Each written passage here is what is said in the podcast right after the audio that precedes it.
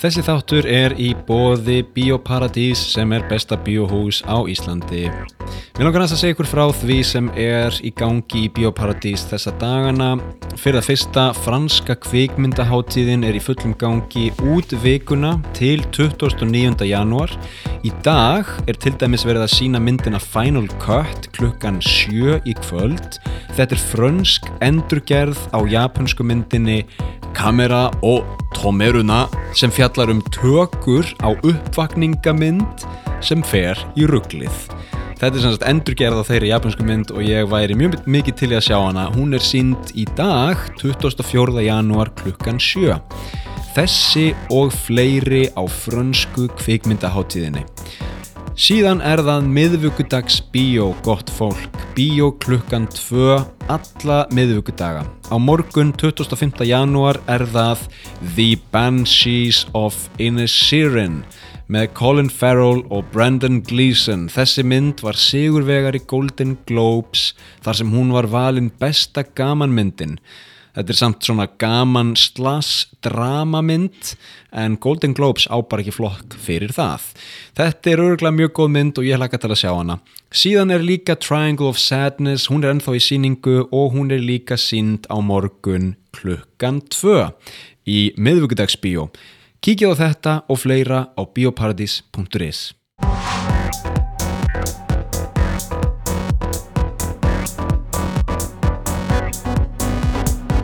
Good people of the world, welcome to uh, episode number 70 of Heimsendir, the podcast translated as the end of the world. And for my Icelandic listeners, you might have noticed that this is in English. I want to welcome a friend of mine who is still working on his Icelandic. Maybe one day. Tyler Toic, welcome. Thank you, man. Thank you. I do feel like it's the end of the world right now, though. Like this, uh, the name for this podcast is very fitting for 2023. Hey. Yeah? How is it starting?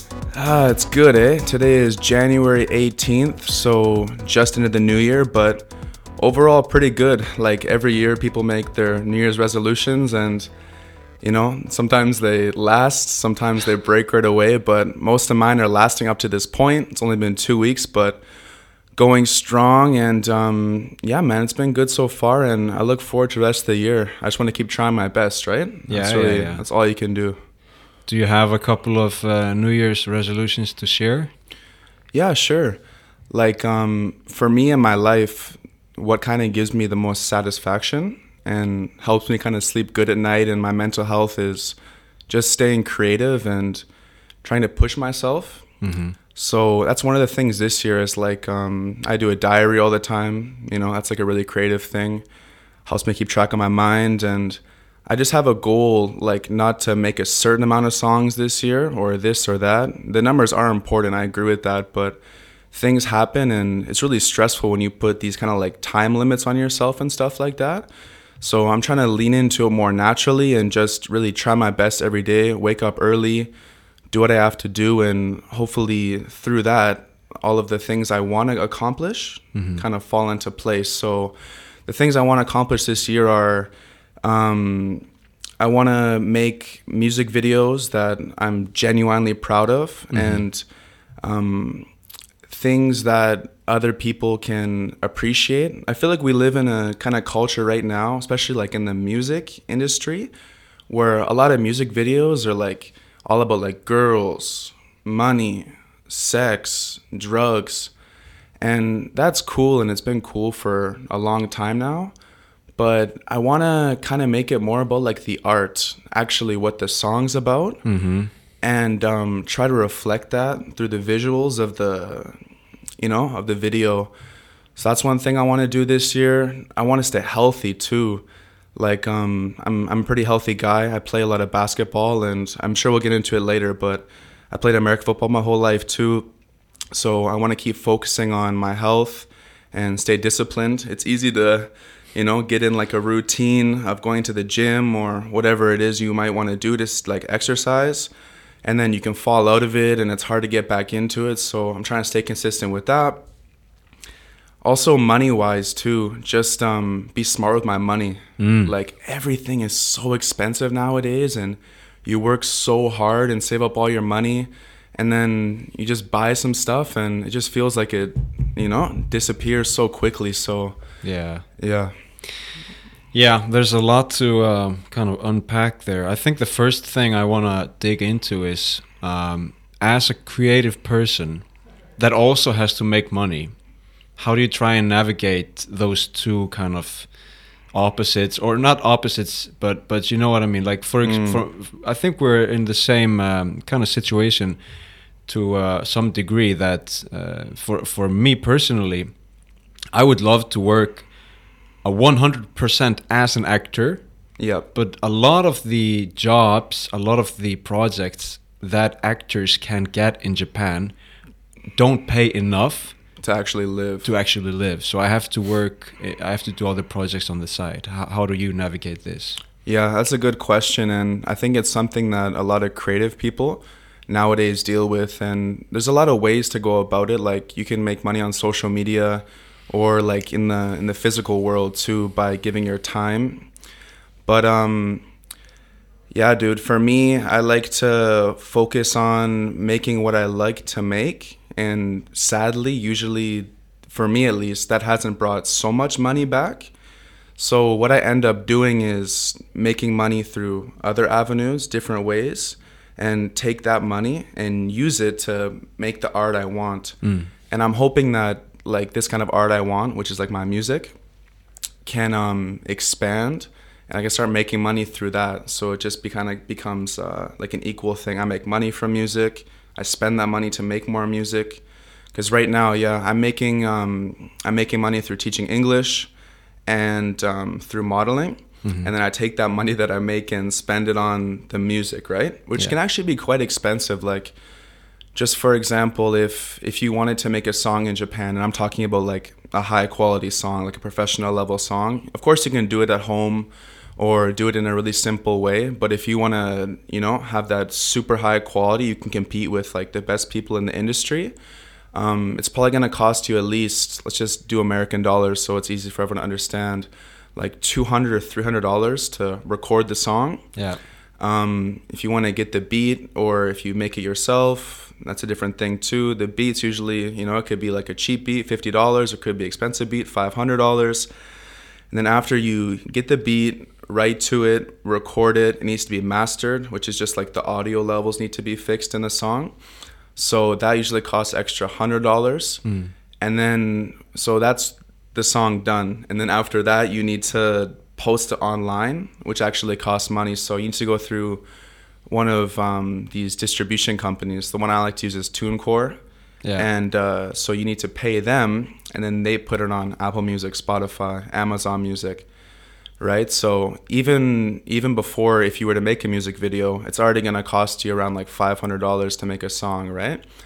At a high level, at a high level. Sure. So yeah, it's a tough balance. Um, like trying to you know do what you want to the quality you want. That's one thing about me is like uh, if if I'm not gonna be able to make the art the way I envision it, then I would rather just wait and not make it at all. Like save my money and you know really really try to get it to the point where I'm happy with it. If I'm not happy with something, which has happened a lot of times too, and it's actually wasted me a lot of money, but I just won't release it because I feel like it's not what I wanted it to be and only if I'm really proud of it and happy with it, then I feel like I want to share it with the world because this art that I'm making and sharing, it's really like a reflection mm. of who I am inside and um, so yeah even on my instagram and stuff like that like i'll only post things when i'm really pleased with them because nowadays especially in the model industry uh, i'm just talking about japan right now but i think it's like this in the rest of the world too. Like instagram's almost used like a resume. Yeah yeah like a portfolio.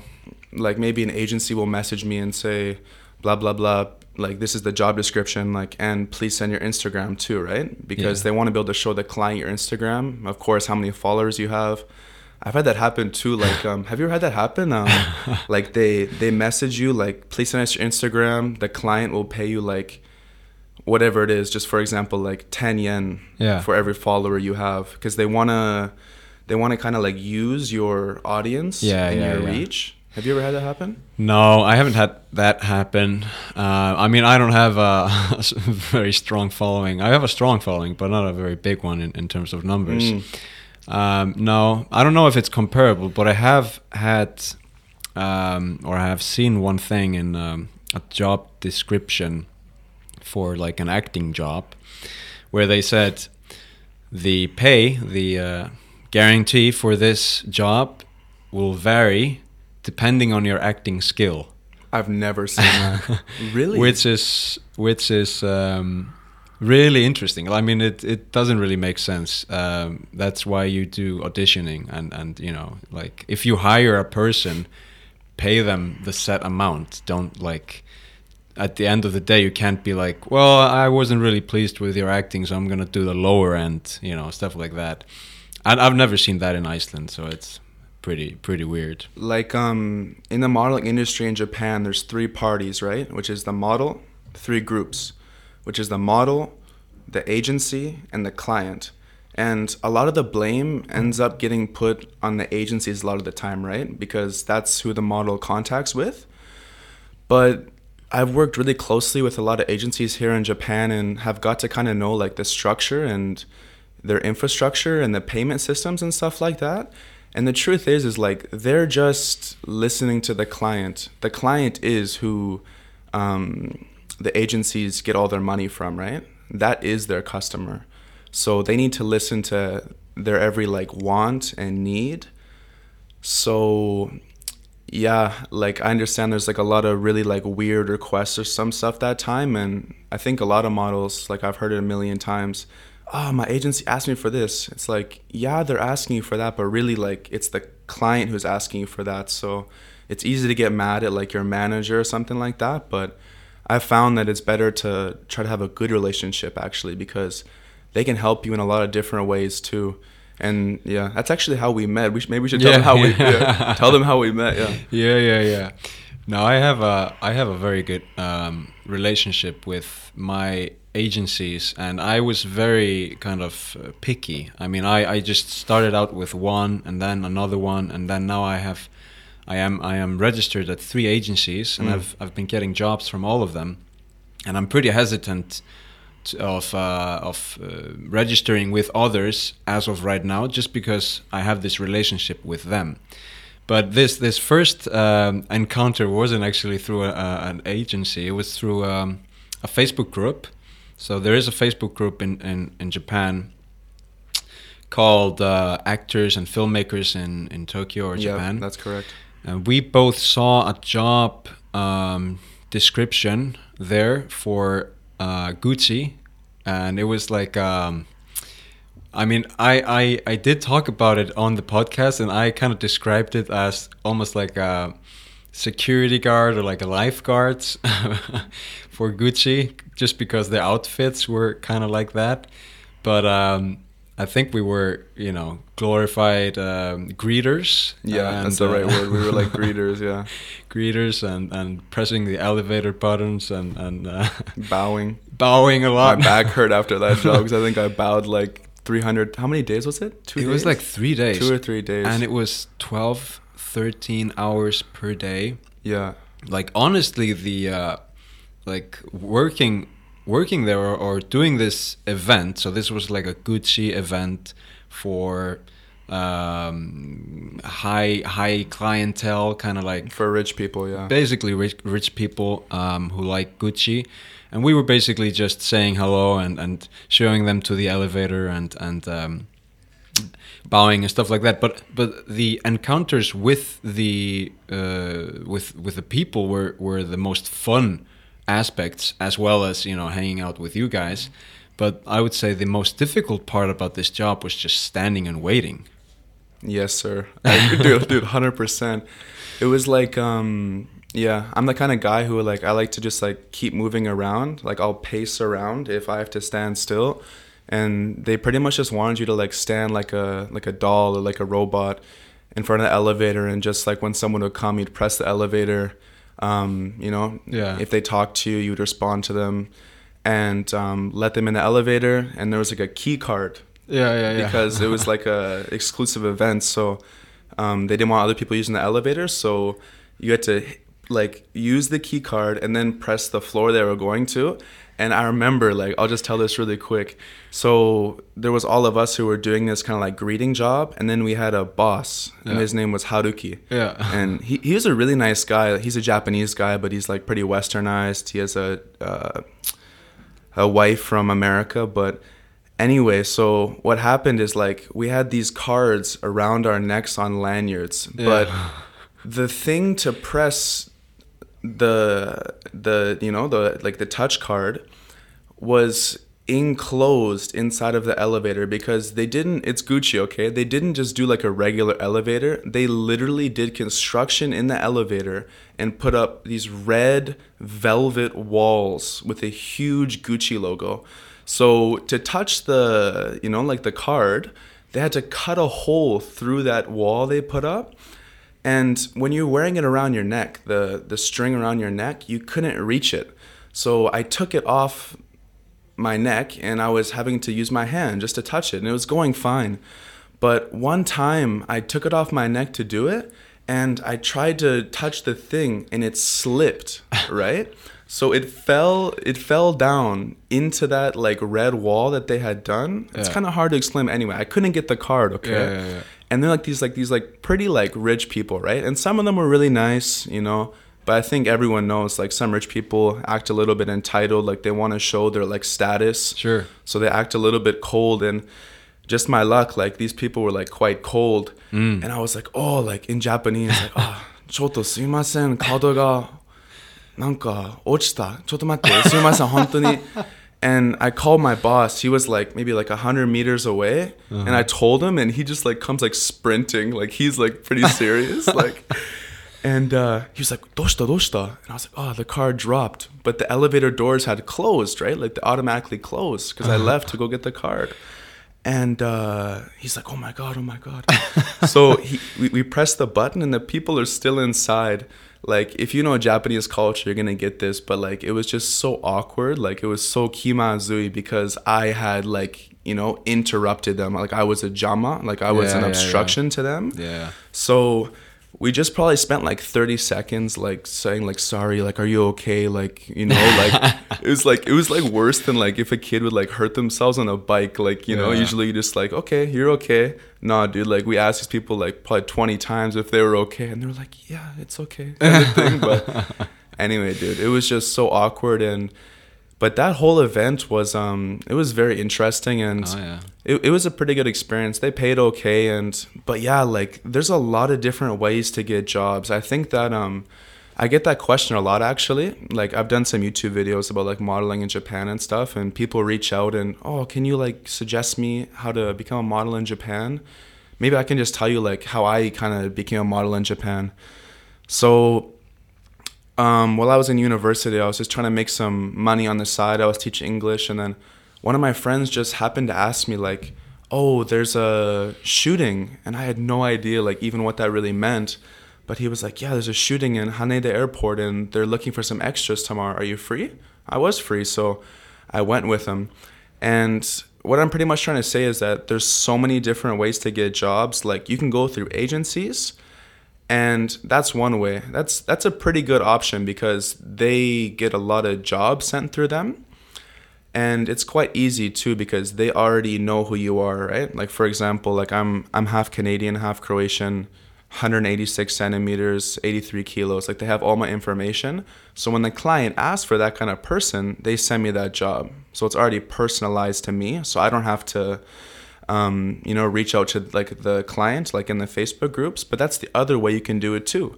Is um, in there's other groups or like Facebook groups or websites that um, the clients will try to go straight to the models, and they also do it through Instagram DMs. That's very popular nowadays. Actually, people post that in their bios on their Instagram all the time.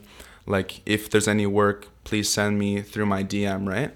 Yeah. So I think that's becoming more popular because the clients are kind of realizing that maybe they don't need the agencies as much. Um, they can just kind of uh, go on Instagram and find people, so they can save a lot of money. Because usually, they'll let's just give an even number. Like the client will give the agency a hundred thousand yen for one day, and the agency will take 50,000 yen and Mm. the other 50,000 yen will go to the the model. So I think that a lot of clients, these companies who are looking for models are realizing that it might be better to not have to go through the agency, especially because a lot of them already have met these models through other jobs or blah blah blah. So pretty much long story short, there's no like 100% this is the way to become a model in Japan. I think everyone's got a bit of a different story. But yeah, the the best way to do it is like kind of build your experience, right? When I first started, I had zero experience. Mm. So when you have zero experience, you kind of have to take any job that comes, right? You don't have anything to show them. Even if it's a cheap job, you know, I would suggest you take it.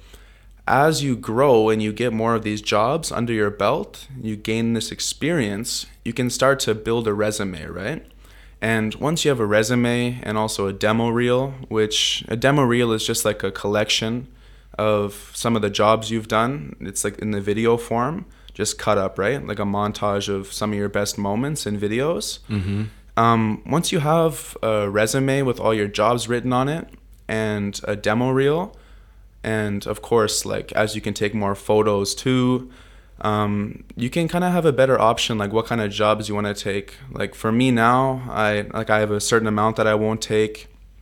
Some jobs I just I just kind of have an idea that there's going to be like so many, so many, so many people that they invite to it, and it's kind of a waste of time. Like, dude, I've been to like 12 or 13 Uniqlo auditions, and Mm. I've been on the short list like five times Yeah. and they don't accept me but every time they still want me to go in there stand take a bust up photo take a full body photo do a 360 it's like man like i have all like i have a website as well actually too it's www.tylertoic.com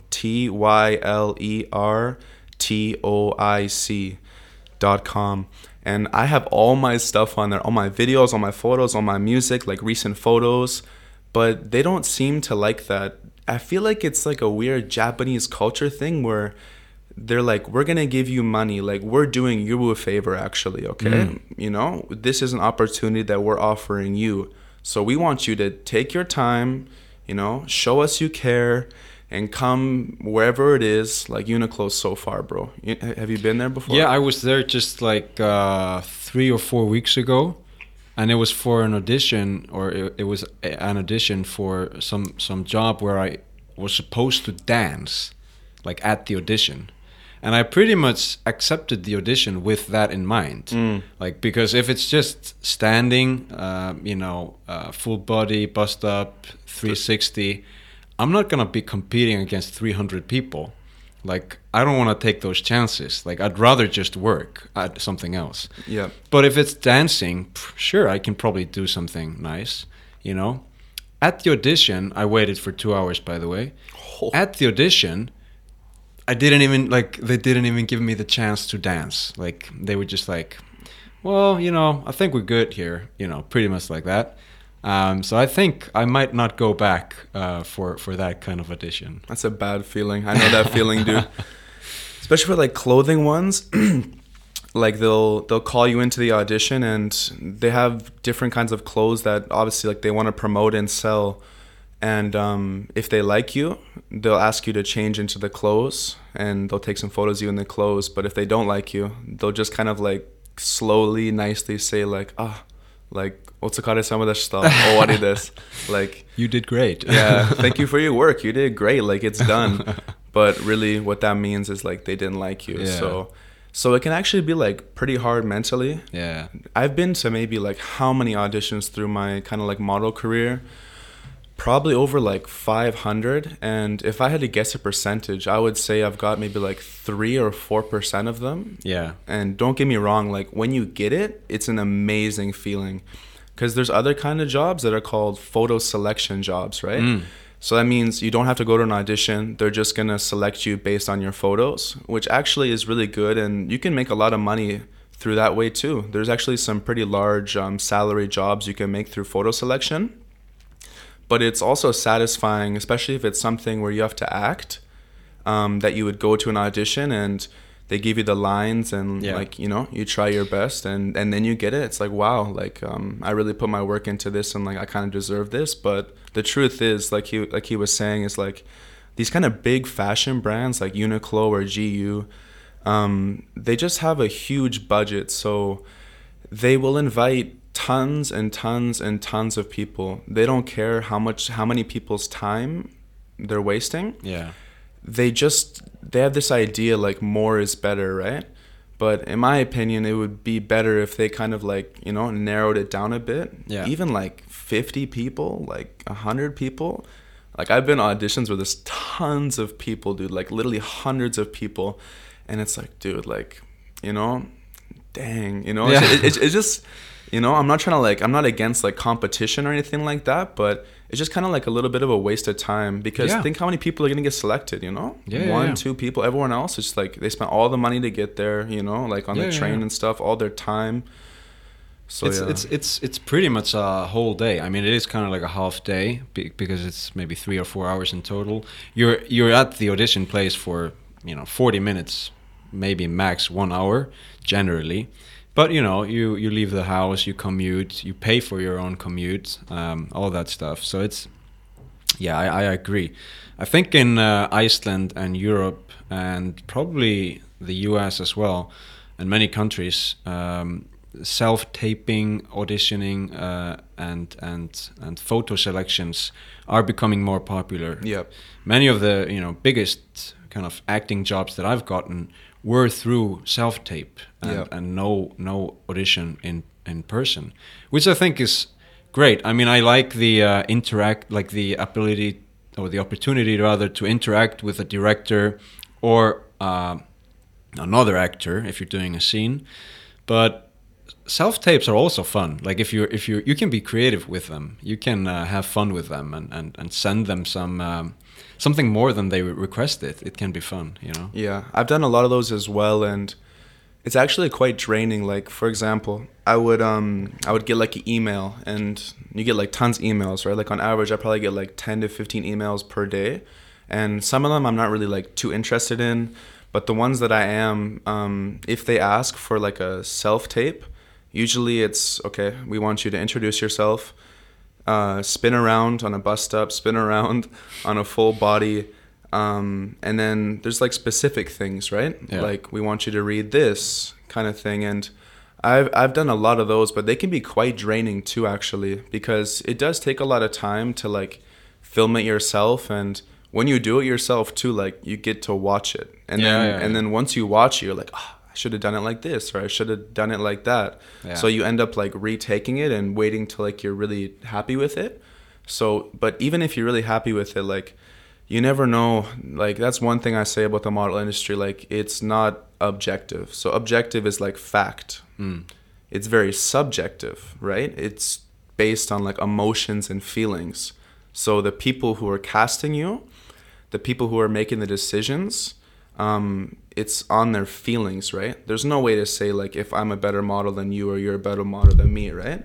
It all depends on the people's feelings who are making the casting decisions. So that can be quite frustrating too, even if you feel like, oh, I'm the perfect for the I'm the perfect person for this job, or my self tape was like really really good. I can't believe they didn't uh, pick me.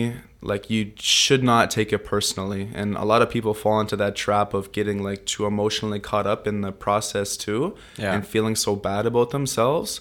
Like you know, it's very subjective. So all you can do is try your best, and I know it's frustrating, and I know it takes a lot of time. But like, if this is really what you want to do in your life, like that's just kind of the way it is nowadays. So Yeah.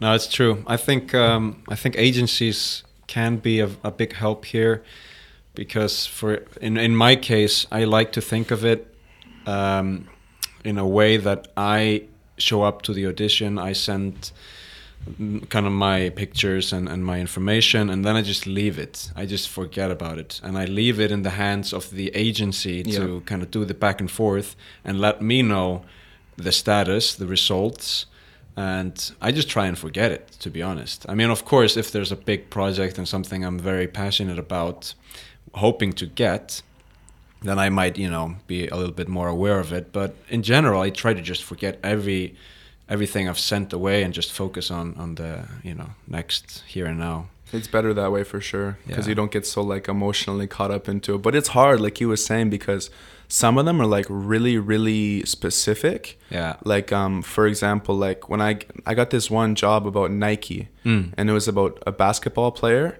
and that's literally like been my dream since I was a young child. Like I've seen all of these athletes and these Nike commercials, and I was like, dude, this job is like for me. Like I was just so convinced. So they asked for so much stuff too, like my basketball highlights and all of these different details and like they want pictures like your basketball shoes and like blah blah blah blah blah, right? So anyway, long story short, I just like went really in detail and like hyper focused on it cuz I was just like I need to get this job, right? And I put all this stuff into it and eventually like a week later they contacted me and they said like, "Oh, actually this job's been postponed."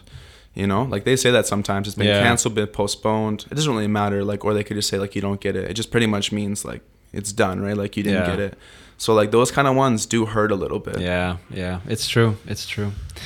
Um, let's take a step back, and I want to kind of um, ask you about how you found Japan, where where your kind of interest came from, and how you came to live in Japan.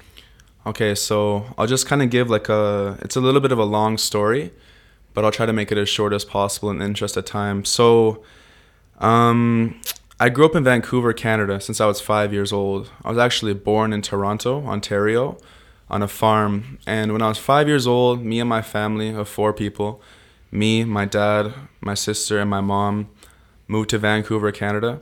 And I grew up there since I was five years old. And I always played sports, I always played American football. That was like my kind of focus in my life. Didn't really have too much of an interest in school, to be honest. I was always a bit more of like a social person, like talking and interacting with people, and definitely through sports. But um, so I got really good at American football, and I worked my way up, and I started being the starting quarterback on our football team, and I got some pretty good highlights too. So uh, after high school, I ended up going to a place in Canada called Nova Scotia, which is the most east part of Canada. And so that was 2016. And I spent a year there. Pretty much, it was like, it is the biggest party school in Canada. So I don't have to tell you guys, you can imagine, like, it was absolutely crazy. It was a lot of distractions, a lot of hard stuff.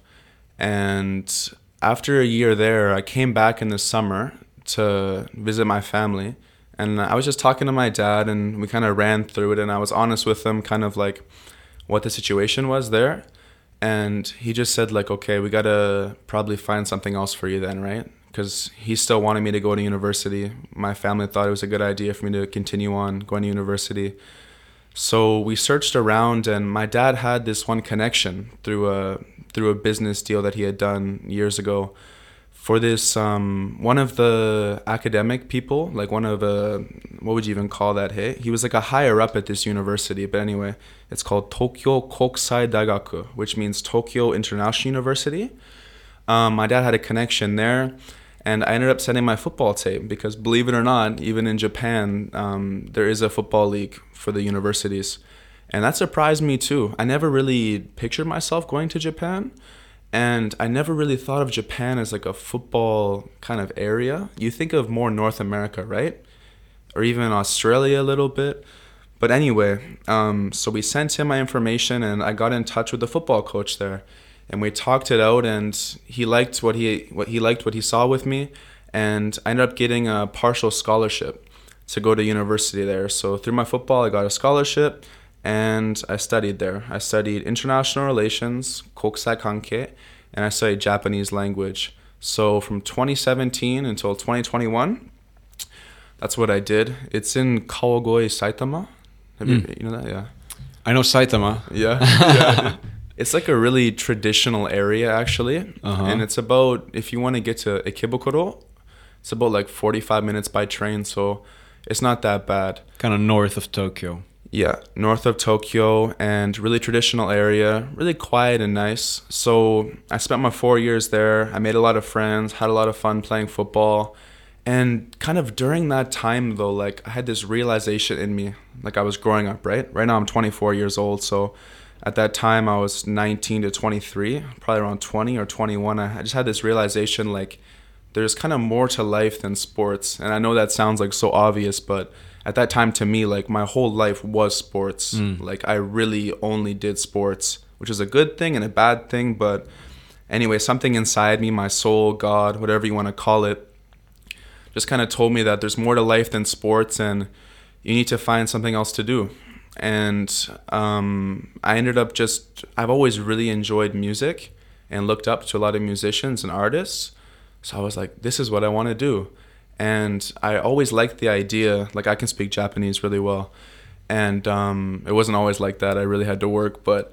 Uh, I always really liked the idea of mixing English and Japanese in music, and I still do that today. I make only English songs, only Japanese songs, or mixed songs.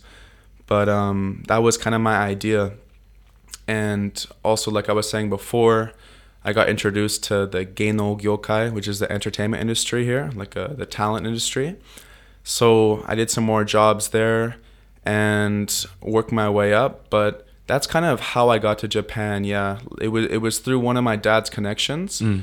that he suggested me to come here, and then I got accepted into the university and pretty much hopped on a plane like yeah that was scary too. Like Yeah. um i was i was quite young hey 18 or 19 years old when i first came here. So yeah that's scary too. I think everyone knows that though like people who have traveled abroad at a young age or even i guess an older age if you've never left your home country. But to be honest like it's such a blessing. Like that's a cheat for life if you kind of push yourself outside your comfort zone at a young age and go somewhere different it just makes you like really independent and able to care for yourself. It's not saying you're not going to make mistakes like there's things that you you know screw up and fail at but through those failures and mistakes like that's kind of how you become more successful and more independent. So yeah that's kind of my story how i came to japan. Mm.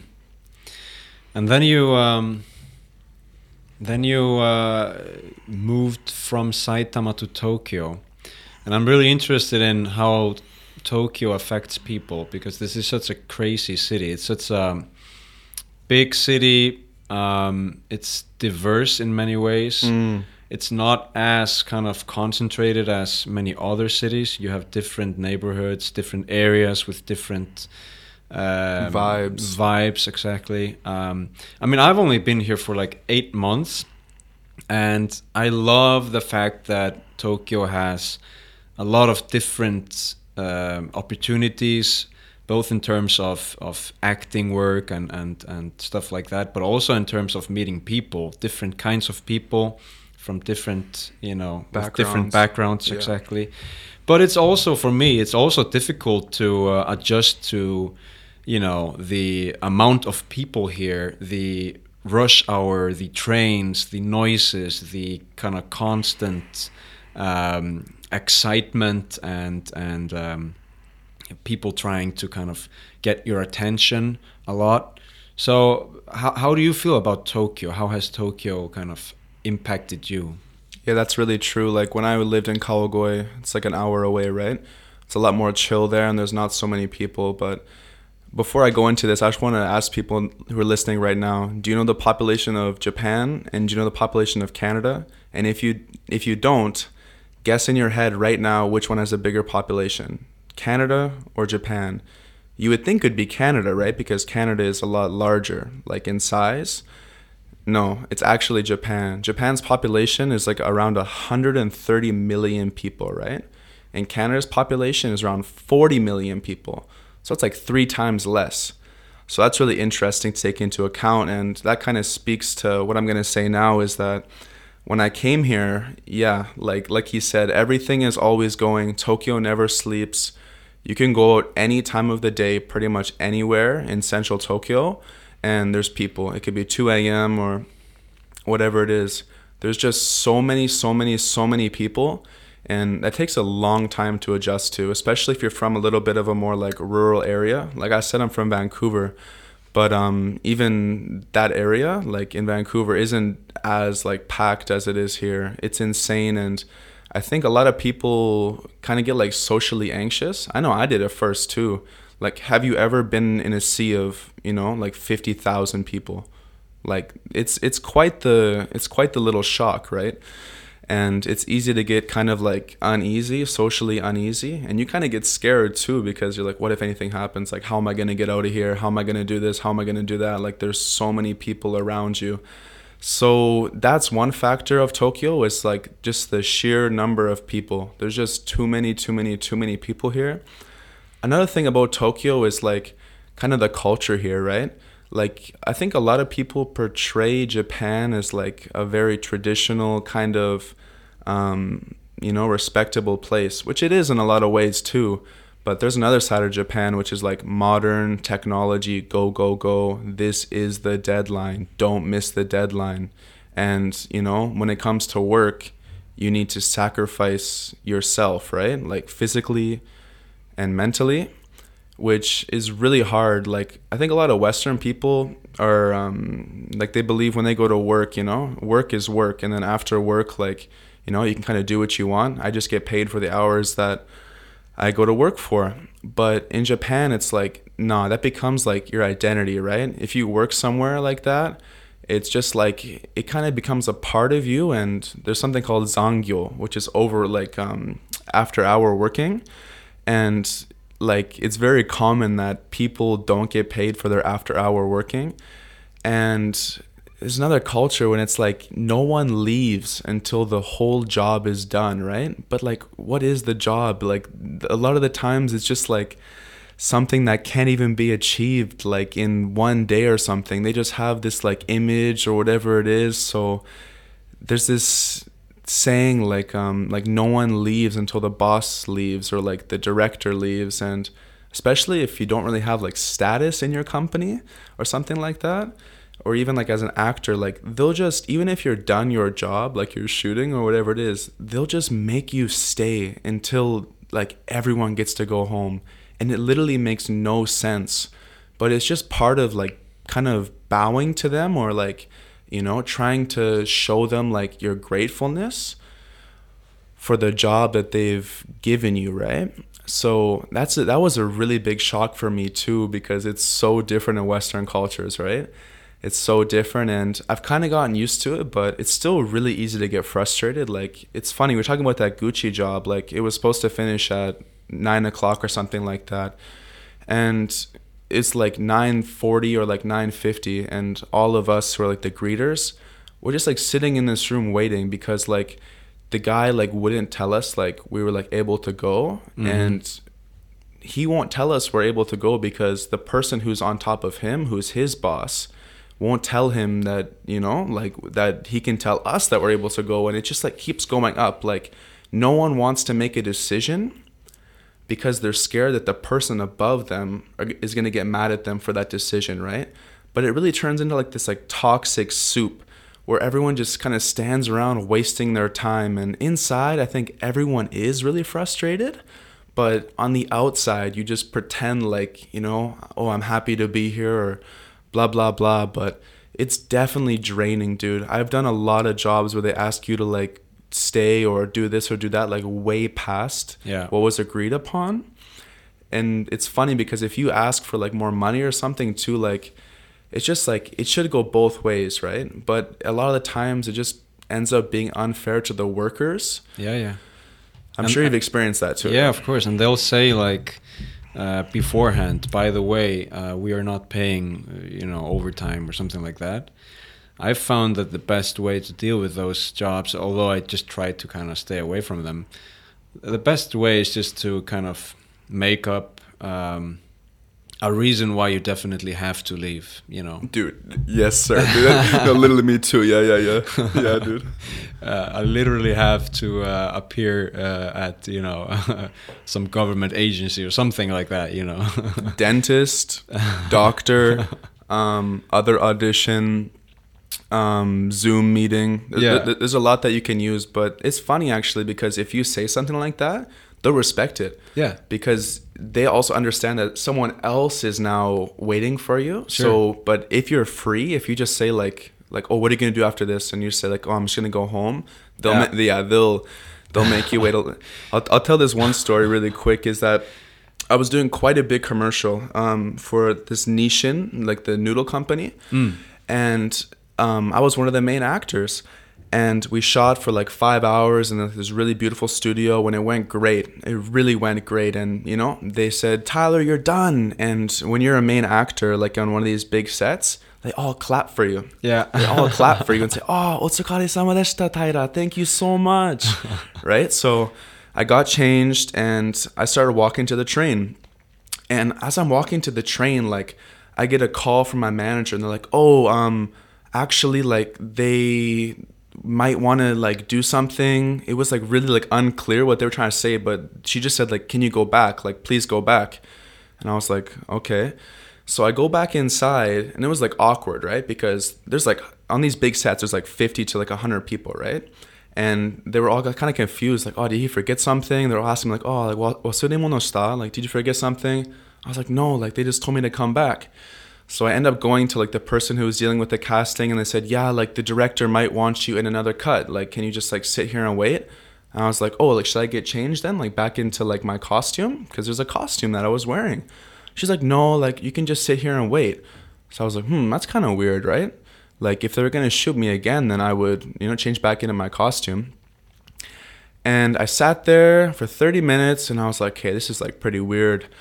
And an hour went by and I started asking them, I was like, like, is it okay? Like, like what should I do? And they always like, oh, just like, chotomate, chotomate. Like, please just wait. Please just wait a little bit more. Like, it's gonna, like, we'll, we'll have an answer for you soon. But I was getting like pretty frustrated, right? because um, I had messaged someone too, like I was done and I was supposed to go meet them, but then they called me back. So anyway, anyway, I waited there for two hours, and then they were like, "Okay, everyone's done, yay!" And it was just like it's a weird feeling. I know this is like a first world problem or whatever, but like I'm just kind of telling you like the the way that Japanese culture works and like how Tokyo culture kind of works.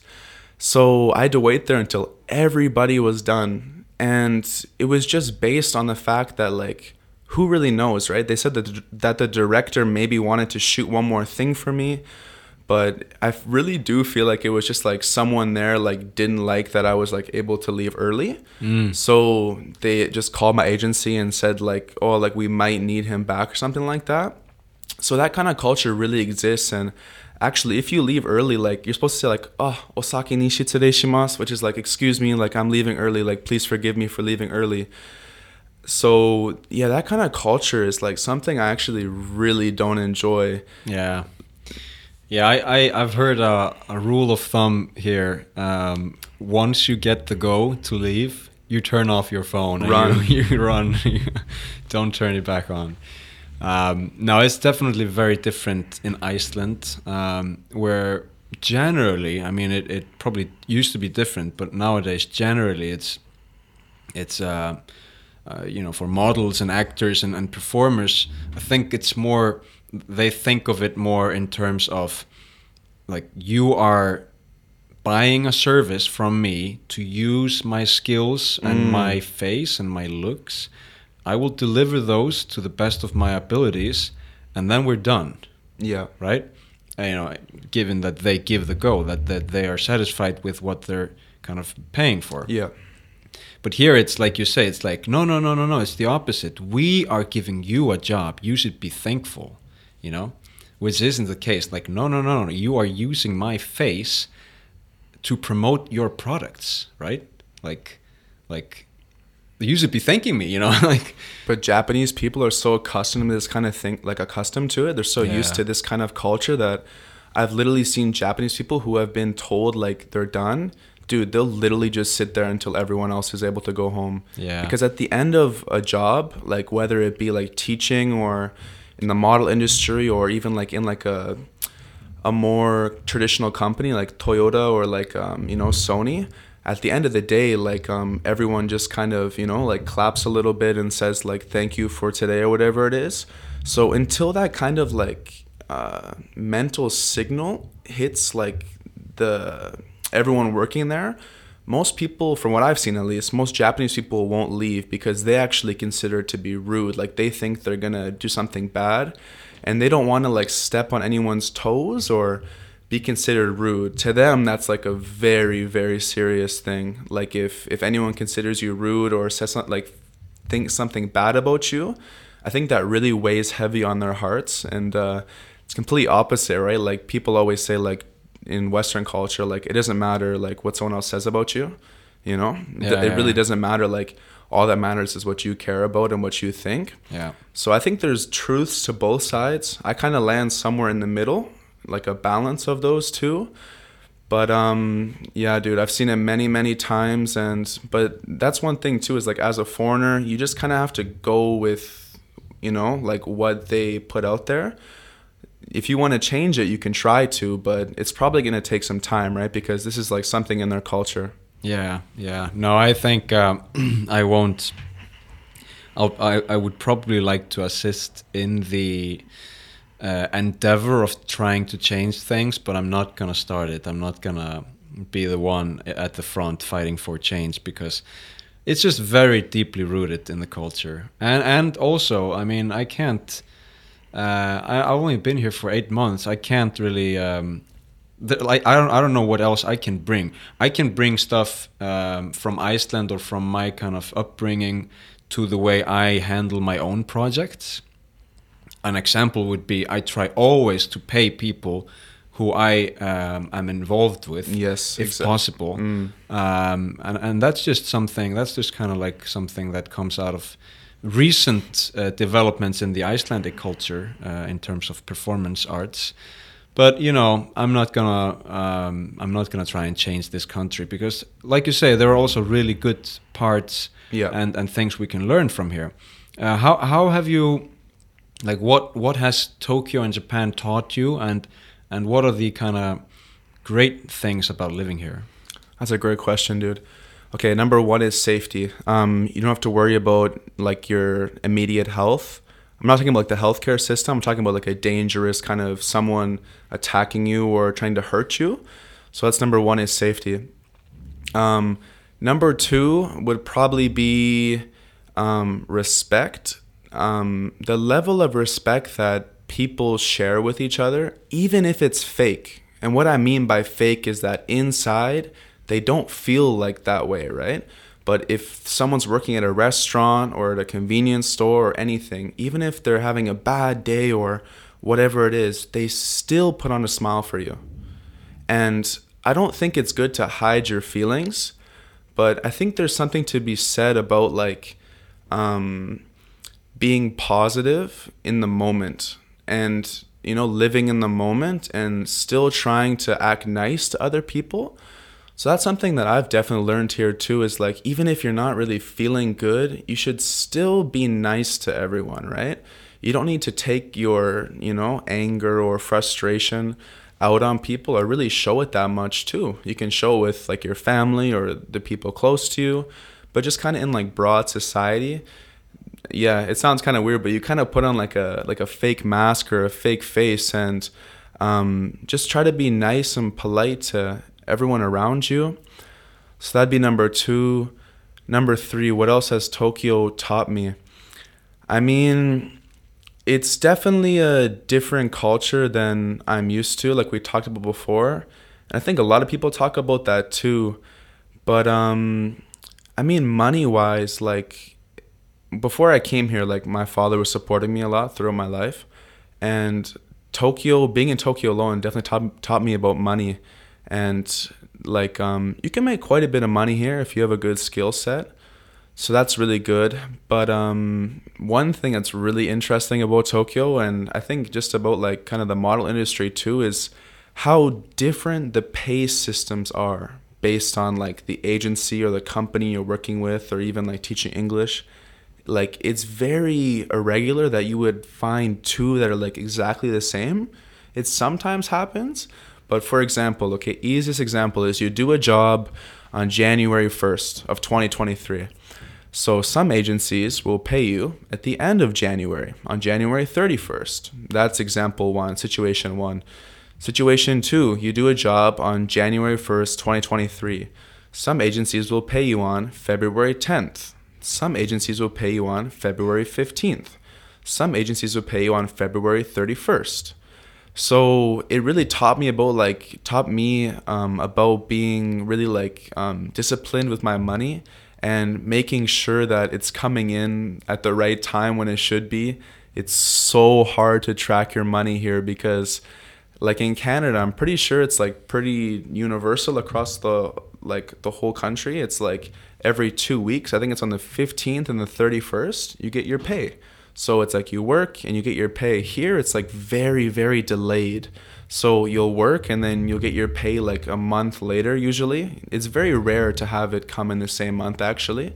So it's very common to have your money, money come like a month or 2 months later. So that really taught me to be like disciplined because the money or like I'm working a lot now I feel like yeah like I have like a lot of money like I'm doing all these jobs but like that money is not coming till 2 months later so you really got to be careful with like how much you spend um, yeah, no one really talks about that. Hey, that's kind of true. Like Tokyo teaches you how to be uh, really careful with like the the discipline with your money and the timing of when you receive your money. Yeah, Yeah, no, it's it's it's interesting, and I think it's very kind of amplified in this entertainment industry, in Mm. this you know, uh, where you have the client, and you might in, even have more than one client, and then you have the agency, and then you have the uh, model or actor or performer, and if everybody's doing a month or two you know then it kind of adds up you know the cli- the the agency is waiting for the client Yeah. and they're gonna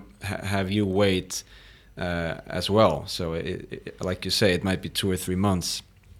Um, I think you know um, I think it's it's really good like you say to be exposed to this kind of these kind of challenges at a young age and especially like you say uh, moving abroad and experiencing something else because it is really difficult to handle or tackle a new culture.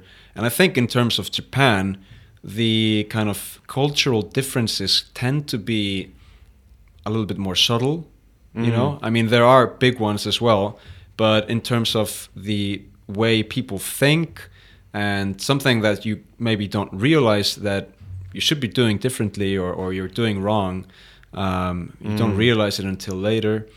Um, I think it's it's really you know uh, interesting country in that sense but also it's a good kind of playground because it's safe. It's really good um, Exactly. with infrastructure and, and it's very organized and, and clean and yeah it's, it's a very good kind of playground for young people to uh, figure things out I would say yeah, and I think it's good for creative people too. Like, there's a lot of challenges and like paperwork and documents, all this stuff they make you do, but like there is a lot of lot of very talented creative people in Tokyo and you're able to meet these amazing people through different things you can do. You might just bump into them or do a different job and those connections like become really invaluable. And that's something that, you know, if someone trusts you and they like you, then that can really make a big difference, right? So it's all about who you know here, actually, a lot of the times too. And you need to be careful because it's actually a very like tight knit community, the creative community. So if you do something bad, like most people hear about it, they don't want to work with you again. So you got to be careful and just try to be honest about what's going on and just try your best. But um, yeah, dude, I'm gonna ask you a question now. Sure. Let's let's let's, Let's flip it. let's flip the switch. it, dude. Let's flip the switch. We've been talking about kind of like culture and stuff, but um, I want to talk about like kind of like relationships in Japan. I, I think you do you have a girlfriend or a wife now? Yeah, um, yeah. We we moved together, uh, my wife and I, and and uh, our cat. so she she uh, is half Japanese and half Algerian, but uh, she grew up in Sapporo. We met there ten years ago, Wow. um, and then we spent a couple of years in Iceland, and now we're living in Tokyo. She's uh, studying here. So is she the only Japanese girl that you've ever dated before, or half Japanese girl? Um, well, I we I did date a little bit in high school in Sapporo, uh, 2011, 2012, but nothing serious. Yeah. So, and, and also like although she grew up in Sapporo, she also kind of uh, grew up with a sense of Europe. Um, and, and kind of European values, uh, some Algerian values as well. So, I mean, she's not kind of as traditionally Japanese as probably a lot of other people are. I see, I see. I was just asking because like I've heard it a million times too, and foreigners come here and they kind of have like an expectation of I'm talking about from a male perspective, right? Yeah. Of um of Japanese women and like um I've had my fair share too and I guess kind of like my opinion on the whole thing is like I've been with a lot of different girls here who are Japanese, who aren't Japanese and yeah man like it's been great. It's actually a great place to have a relationship. Like there's a lot of very fun experiences you can do together. Mm. like um if you're dating someone just for example like in like wisconsin america or something like there's not really like that many like cool experiences you can do together. So in japan you can travel all around japan for like quite cheap. And you can do really cool like travel experiences like of course like going to going to like uh, shrines and stuff like that but um, also like very unique things, right? Like um, a lot of girls, like when I first meet them, they like to you know get a coffee or something. It's like let's go get a coffee, but like it's at like the like pig cafe or like something like that, right? Yeah. So, but the truth is like it sounds kind of weird, and you might be like, oh, dude, like why would I want to go to a pig cafe? But it takes a lot of like the pressure off when you first meet someone Uh. because there's like something fun about it and entertaining kind of happening, like the pigs. So You've you- been to a pig cafe? yeah, yeah, yeah, yeah, yeah. so you get to like kind of like play with the pigs and like it's it's just like you start smiling because the pigs are cute and like they're like doing like stupid stuff like pooping on the floor and stuff and like it's gross. But anyway, it's just like it's an easier kind of like way to like meet people and become comfortable because when you kind of meet someone for the first time, especially in this like new social media age, Yeah. if you haven't met them in real life, but all of a sudden like you find yourself like DMing some girl or talking to some girl on some social media platform, it can be like for me at least, it can be quite weird just like to go meet someone right away, um, because you never know, dude. Like you you Yeah. literally you literally never know. Like like I- like I've had some I've had some bad experiences, I've had some good. Ex- I think everyone's right. Like that's everyone's stories. Like there's been good, there's been bad. But Japan's pretty good for the dating scene because, like, of course, it gets really safe. There's people around everywhere, right? And Yeah. um, I think girls worry about that too a lot. Like, if you're gonna go meet a guy in like some like weird place, it's like that's not a good idea. Like, you want to meet in some public place. So there's just tons of places like that in Japan. And even the other day, I went on a date with this girl and went to like a hookah bar. Yeah. Yeah, that was really fun. Hey, like, um, so That's the thing in Japan that kind of it isn't in many other places, meaning like shisha and hookah. Uh, I mean, Japan kind of imports um, or, or, or things get imported into Japan, and then they kind of morph into this semi-Japanese uh, version of Yeah, those yeah, yeah, things. yeah, yeah. You Dude, know, that's So so like a right, that's so right. Hookah bar is in Japan is probably very different from from the rest of the world. Yeah, at this hookah bar too, they didn't even allow like any nicotine inside. Oh, so okay. That's pretty interesting too. And I know that Japan has also banned the use of nicotine inside of their vapes, like vape juice. You know, like the vaporizers, yeah, like yeah. that one. I think it's pretty much because like big tobacco, like the big tobacco industries, like have influence on the Japanese government. Sure. So they banned the nicotine inside the juices, so people couldn't start using those and get addicted to those. Yeah, yeah, yeah. It's the same thing though, like um, kind of switching to politics a bit. Um, Japan also doesn't allow Uber Mm. to function in Japan because the Japanese government has interests and the taxi companies have also have interests with the Japanese government, right? So they've decided that for their business model, it's better that Uber doesn't operate in Japan, right? And that's kind of something that we're seeing more and more um, in Asian countries, especially in China, right? Like the government having huge influence onto the decisions that these so-called independent companies are making, but really Yeah. like they're part of the CCP, right? Yeah. Like the Chinese Communist Party. And um, it's just so different to like the system that I was taught was correct. Mm. And I'm not saying that that is correct, but I think everyone can relate to that. When you're young, you're kind of brought up in a certain system or like religious, you know, area, religious system or political system, and you just kind of have to go with it. Like you can disagree with it or whatever, but like that's still how you're living, right? So you're heavily, heavily impacted by the environment that you grow up in. And you also kind of develop biases, right, to different things. So anyway, it's just been weird to live in a country like Japan's quite westernized, right? But they still do have a lot of like influence from other Asian countries. Yeah. It's been weird to live in a country that is kind of not so, you know, like politically aligned with myself. Mm. and that's what I studied too is like international relations. So a lot about politics, history, interactions with different countries. So that's just uh, some stuff I love. But um, even like when Abe got assassinated too, like it was pretty weird to see like the public response like on like a human level.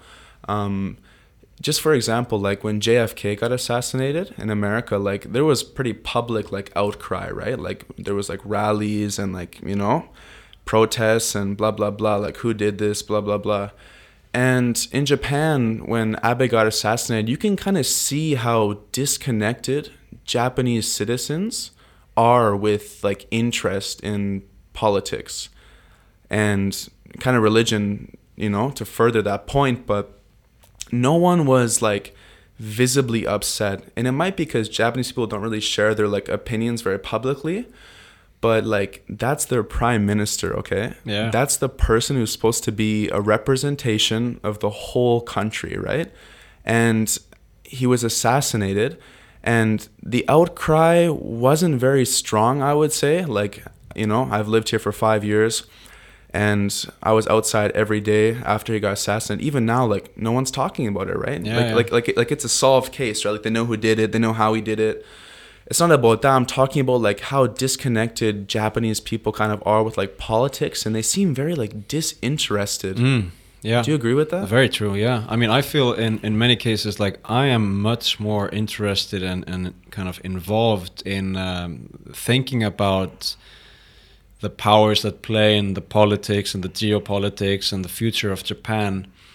Um, Japanese problems such as you know the the demographics and and um, kind of the aging population problem and stuff like that. I'm much more uh, involved in, in thinking about those than many of my Japanese friends. I wonder why that is. Yeah, and I've asked them, um, and it's interesting coming from Iceland, which is such a young country. I mean, we have a 1200 year history, but in but but it hasn't been more than about 150 years since Iceland started to kind of modernize and industrialize. Um, so Icelandic history is kind of just beginning, right? And and I feel like a lot of Icelandic people are very positive and and feel they have a say in the direction their country is is taking. Which is a very important like belief or like um feeling to have to have like a, a say in the Yeah. future of your country. If you don't have that feeling, it can be very depressing. Yeah, yeah, yeah. In my opinion. and and it has been shown in Iceland that we can, we the people can change a lot of things. That's why Iceland is is probably one of the most progressive and open-minded countries in the world. Whereas when I ask a lot of my Japanese friends, like how do you how do you look at the the future of your country? How, how do you want to kind of partake in it? They're, they're just like, well, I feel like Japan is pretty much just done. Like we're just gonna kind of shrink and and stagnate, and you know, there's nothing interesting on the horizon. Like first things first, okay? The power belongs to the people. Period, okay? Don't ever forget that. That's how it is, okay? Throughout time in history, um, people come together, um, groups of people, right? Whatever you want to call it. Nowadays we call it the government, and try to um, gather, you know, atsumaru, gather power to try to um, control the large population, okay? And it's getting pretty bad now. It's getting to the point where a lot of people really feel like they don't have a say, and they've kind of came to accept that. But if history does repeat itself, usually what ends up happening is that the government pushes it too far. And it gets pushed to a point where the citizens don't have a choice. There's famine, they don't have food. We're not there today, right? But if history does repeat itself, it has it turns into a revolution where people have to do it to survive. And like God willing that doesn't happen. No one wants to see that happen, right? So um but but yeah, like I think why Japanese people seem disinterested in their own like political future or feel like they don't have a say really goes back to like um, Japan before World War II. The fact that they like the lar- a large amount of Japanese citizens really believed that their leader was not human. They really believed he was a god. All right? When you believe that the person guiding you is a god, okay, which he was he was here in the physical reality, he was here in the in the universe, like you know, he's a physical being. Um, it's easy to like understand why they would allow him to make all the decisions and just sit back. If there really was a God who knew more than you and was infinitely infinitely smarter than you in every way possible. That's what they told the Japanese citizens, okay?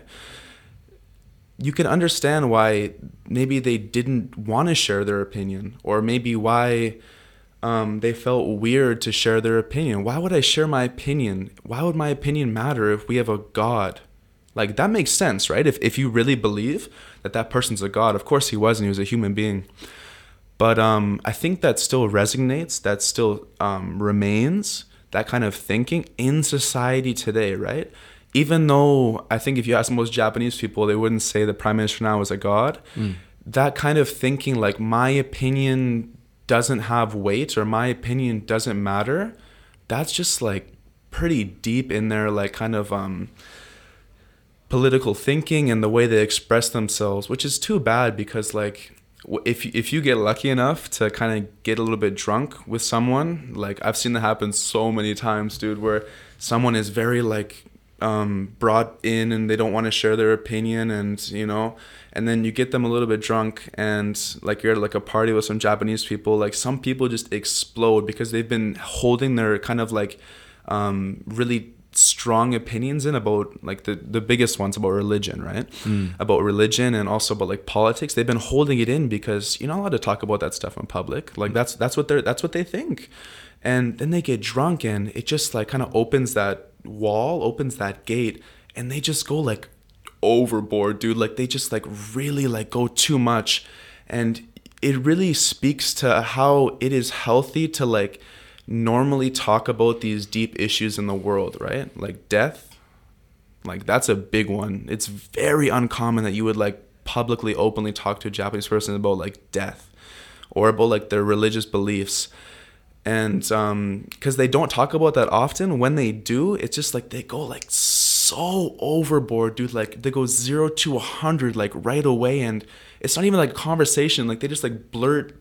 I'm, I'm not trying to generalize it but um, I've seen it happen where like they just like blurt their opinion at you. They just say their opinion like they don't even want to have a conversation. They're just stating what they think is true, and it's so important that as humans like we understand that we're probably not all right. We're actually probably all wrong but through conversating and asking questions to each other, we can probably get a little bit closer to the truth, right?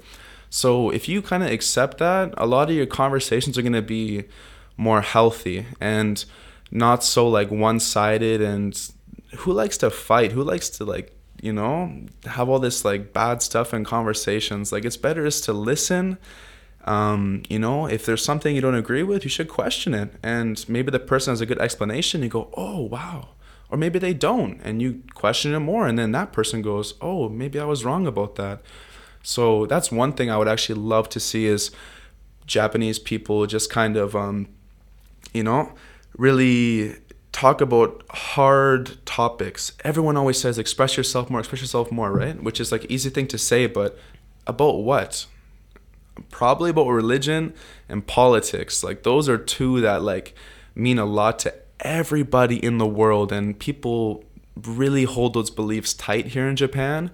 And I think if they talked about it a little bit more, they would like loosen up and wouldn't be so tight. Yeah, no, it's. I think it's true. I um, I have tried to instigate uh, a, a deep conversation about these topics more than once, and it's usually uh, shot down either because they're not drunk enough, you know, which shouldn't be the case. Like alcohol definitely opens people up. Sure, yeah, yeah, yeah. But I mean, it would be nice to be able to talk these things like during lunch, um, during the morning espresso, like in Italy. Um, but it it tends to be like you say after eight or after after dinner uh, when everybody is is at a nomikai, you know, drinking here. Um, but sometimes I've also kind of been kind of ridiculed a little bit, like laughed at, like, whoa, foreigner asking difficult questions here. Like, what? we don't talk about that. You know, like we're Yeah. we're just trying to uh, escape our uh, work life a little bit. Like we don't want to talk about difficult stuff.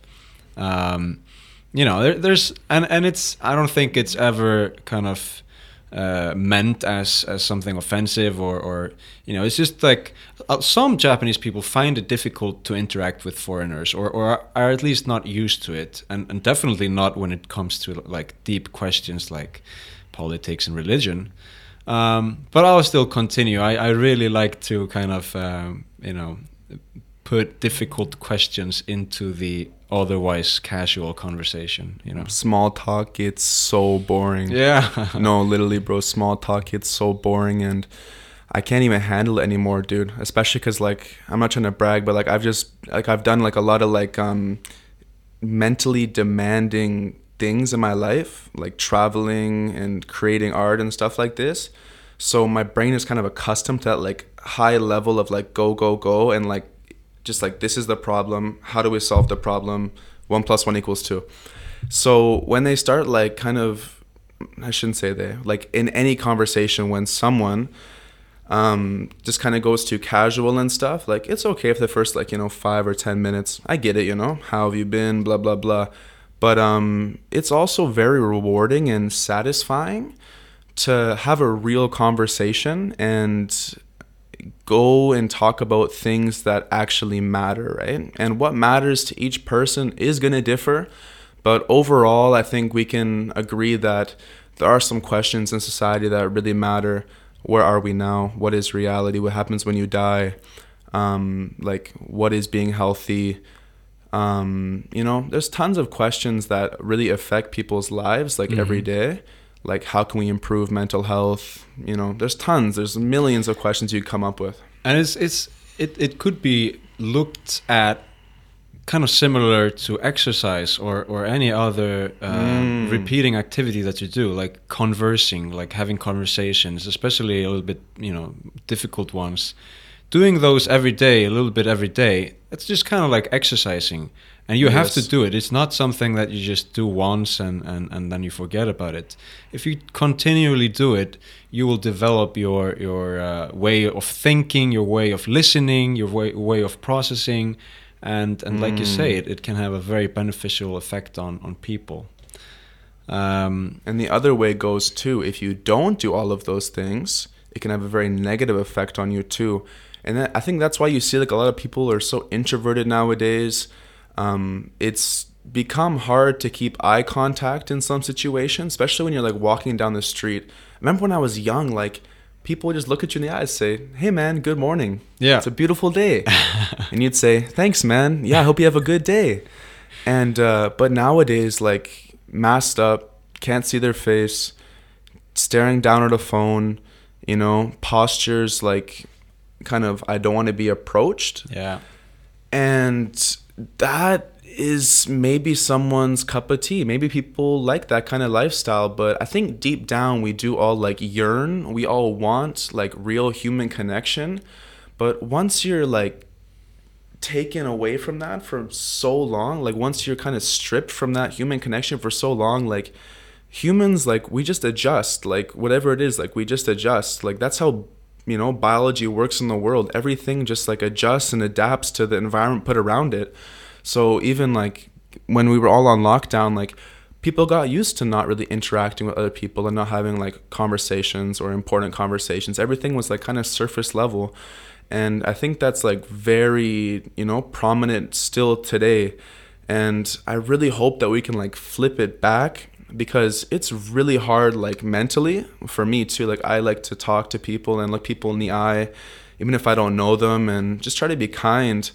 So I hope we can like switch that back and start going in the right direction because right now, like the way it is, like I'm just talking about Japan, Tokyo right now.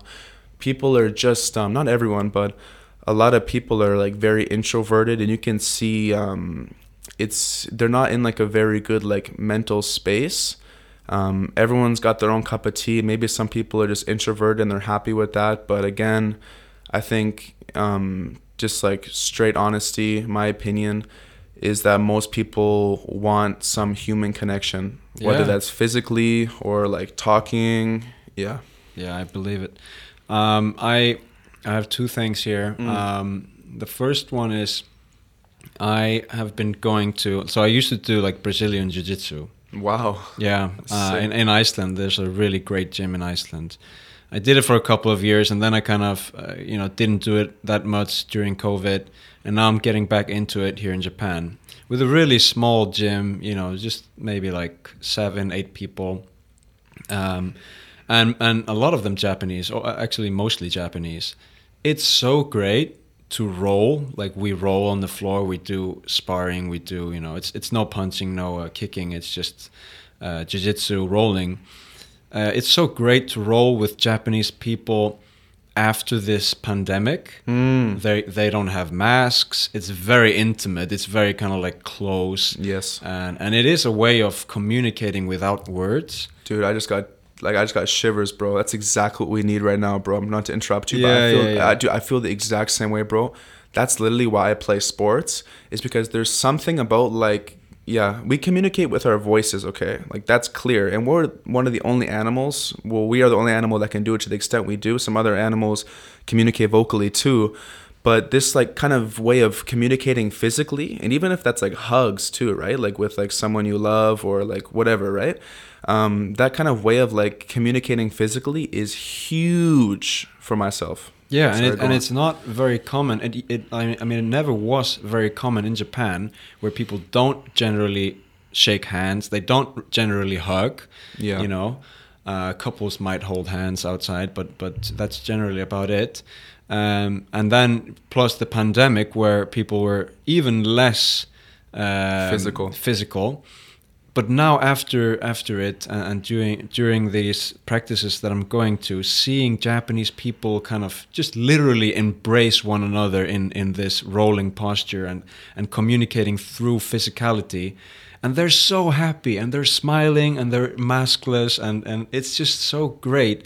And it gives me hope for this this country, this future, because it just it means to me, it, it kind of uh, confirms to me that a lot of people want physicality, they want uh, connection, they, they don't want to be in their own world, they, they want to look out. And um, that's also why I keep talking about, you know, sometimes problems, sometimes kind of like darker sides of this society in this podcast, because I want Japanese future to be great. I want the people of Japan to have a, a future and a good one at that. Um, that's why I find all these things, these cultural differences, interesting. You it's know? it's so easy to be pessimistic, which means to think negatively about the future and think bad things are going to happen. It's so easy to go down that road. It's quite hard to be optimistic, which is the opposite, to think positively about the future, to think positive things are going to happen in the future. And especially with like all of the news and um, societal programming that's happening nowadays, where they're literally attempting to try to make people more docile, which means um, less productive, less social, more um, controllable. Um, it's just like we need to keep promoting the future in a positive light no matter how bad it gets okay? It's not hard to remember or like look back at 50 years ago 100 years ago 200 years ago where there was atrocities happening that are like almost unspeakable right? Like people killing each other. You guys already all know them i don't have to tell you but during that time, do you think people were probably pretty pessimistic? I would be pessimistic if I was in those times too. It's easy to be pessimistic, like I was saying. But even though they were pessimistic, I'm sure there were still some people who were optimistic and thinking positively about the future. And that's the people who get us out of hard times. That's the people who keep society moving forward. So I guess the message of the day is to is to try your best even if you don't feel like trying your best and I'm guilty of it too like, you know, just kind of being lazy or not doing what I know I should be doing and push forward no matter what. Don't allow negativity to block your judgment. Um, you gotta you gotta just stay in your lane. You know what's right. You know what to do, and no matter how hard it gets, because it gets hard, right? Like people like to talk about how hard life gets, but it gets hard for everyone, right? You know, share your feelings with other people around you. Look for strength in people around you. Like, um, you know, even now, I didn't know him, you know, like a year ago, but now we're having a nice conversation, and you know, he's my friend. You know, I'm his friend, and so don't give up. And you know, things can always change for you. You can always find someone who who might make you feel different about your life or find a new passion that might flip things around. But definitely try to stay creative, stay optimistic, and uh, yeah, yeah, yeah. Follow follow that thing that tells you, you know, like this is a good feeling. I should probably be doing this. I probably shouldn't go do this bad thing. Mm. So try to follow that feeling and um, yeah, man, just stay strong, that kind of thing. I think that's a really good way to end this. Um, can you tell people how to find your music, how to kind of find you? Yeah, for sure. So my name is Tyler Toic. So T Y L E R Tyler. My last name is Toic. T O I C. So if you just type in my name on Google, my website will come up and everything's on there. And you can find me on Instagram under the same name. If you just type in pretty much any platform, Tyler Toic. You can find my stuff, and uh, I'm always trying to make new stuff and do it with a positive message and try to have a good impact. Um, I really appreciate it if you can check my stuff out, if you can find time. If you can't, that's all good too. I really appreciate you listening to our conversation today, and I had a lot of fun, bro. I really appreciate you having me on. Tyler, thank you. Thank you, bro. Toic. Mm, mm, mm, about to get real grim. You know, I'd be thinking about it. Please low, tag me. Licking split, lit, lit, lit, lit, lit, lit. Death raw. Ain't see what I saw. Amazing all y'all know. Dead or alive, erratic demise. Switch tweaking, hypnotized, blood spew. Face turn blue, angel of death. Sitting in view, deceased mode. Viral, low, coagulated, blood soaked down. I fade it, it up. I pray it, it. Brutally slaughter, cut up your daughter. Visually savage, y'all average. Death be unique. No two same, numb, bleak knives. Geek of the day, freak of the heaven to hell. What you seek of the polymerase, chain reaction. Atom split into fraction. Yo, CNN, water redaction, honed in. Fuck a distraction, flipping and stacking, bodies packing, skulls we cracking, fear lacking. What you fear, ain't it appear? We live on a sphere, don't interfere. What you seen? Death supreme. I be keen to illegally scheme death. I don't on on kill. I want on on pills. I zone on on live. I hold oh oh. 666 Corona. Sniffing the latest aroma. Propaganda coma. Vice a persona, what? Death be raw, yucky. Ain't see what I saw, fucky. Dead or alive, erratic demise, twitch tweaking, fugly. Blood spew, face turn blue. Angel of death, sitting in view, deceased mode. Viral, low, coagulated, bubbly. Rotting corpse. Fumes make reality warp. Antigen high, we snort. Gobble that pineal orb. Bubbling killer, blood thinner. Violent sinner, ain't no winners. What you feel, existence surreal. Weapon conceal, case appeal. Killer be killed. Fate is real. Destiny sealed. Scalps get peeled. Wigs splitter, life bitter, real hitter, fake critter. What you wish, gang on switch, hate dismiss, escape abyss. Death. I die, I, I truth. We lie, I, I space. I fly, I, I smoke. We high, I, I death be raw, yucky. Ain't see what I saw, fucky.